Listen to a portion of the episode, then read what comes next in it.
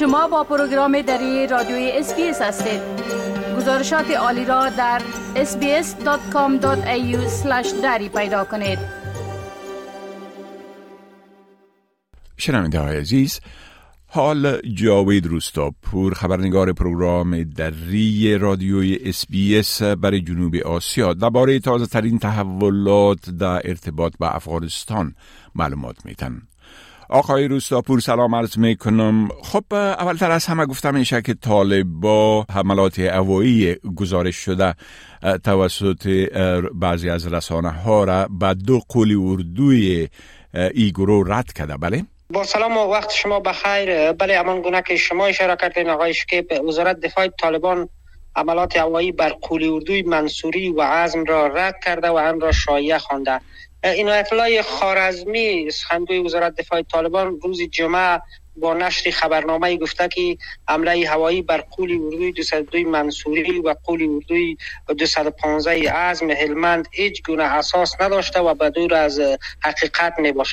این در حالی است که منابع بر رسانه های محلی گفتند که در پی حمله هوایی بر یک لوای طالبان در ولسوالی گرشک ولایت هلمند 21 جنگجوی طالب به شمال به شمول قماندان این قولی اردو یا این لوای کشته شده است. با گفته منابع افزون بر تلفات شماری از تاسیسات این مرکز نظامی طالبان نیز در پی این حمله هوایی از بین رفته. یک منبع به روزنامه اطلاعات روز هم گفته که در پی این حمله هوایی شماری از طالبان زخمی شدن و این زخمی ها به شفاخانه دولتی ولایت هلمند انتقال داده شدند. در روزهای گذشته چرخ هواپیماهای بی سرنشین بر فراز آسمان افغانستان در ولایت مختلف اینا گشتنی داشتن که این اعتراضات طالبان هم برانگیخت و یک روز پیش در کابل گفتن که گفته شد برخی رسانه ها و نقل منابع گفتن که عملات هوایی را انجام دادن در مناطق کارتای نو ولی طالبایی را رد کردن. طالبا هرچند از گشتنی هواپیماهای بی سرنشین اعتراض دارن ولی حملات هوایی از طرف این هواپیماها را به شدت رد می‌کنند. بله. خب همچنان گفته شده که درگیری های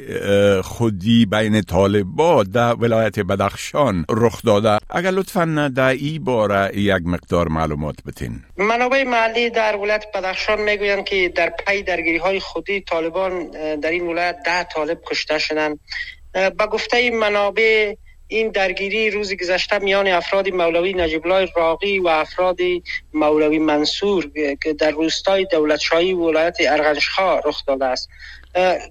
منابع تاکید کردند که اکنون تعداد دیگری از نیروهای مولوی نجیب راقی در بلنده های کوه های این منطقه جابجا شده و سنگر گرفتند. گفتنی است که مولوی نجیب الله راقی از فرماندهان قدرتمند طالبان در ولایت بدخشان بود که صدها نیرو صدها نیروی جنگی داشت و در سالهای گذشته بر علیه نیروهای امنیتی در ولایت جنگید. ولی او پس از تسلط طالبان بر بدخشان و کابل توسط طالبان به از بدخشان به کابل خواسته شد و در اینجا زیر نظر بود و حدود یک هفته پیش به ولایت قندار انتقال داده شد و زندانی شد. دلیل زندانی شدن این مولوی نجیب الله است که در طول سالهای گذشته این معدن راغستان را در دست داشت و گفته میشه که بیشتر از یک نیم تن طلای خالص دارد و طالبان از این خواستند که اطلاع را باید به دولت تحویل بده و به همین دلیل را زندانی کردن ولی افرادش در بدخشان بر علیه حکومت طالبان یا حکومت محلی طالبان اونجا به جنگ برخواستند در همین حال گزارش شده از ولسوالی کرانمنجان که معدن لاجورد اونجا موقعیت دارد. شخصی به نام قماندان شریف که از قماندان های خیزش های مردمی حکومت پیشین است با افتاد تن از نیروهایش در بلندای کوی کوها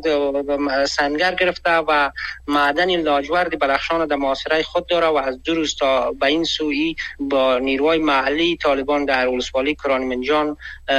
با درگیری پرداخته که منابع محلی هم گزارش کردن بر روزنامه اشتی صبح از روزی گذشته تا یعنی از عصر جمعه تا کنون ارتباط تلفنی و شبکه های تلفنی در ولسوالی کرانمنجان هم قطع شده است. بله. خب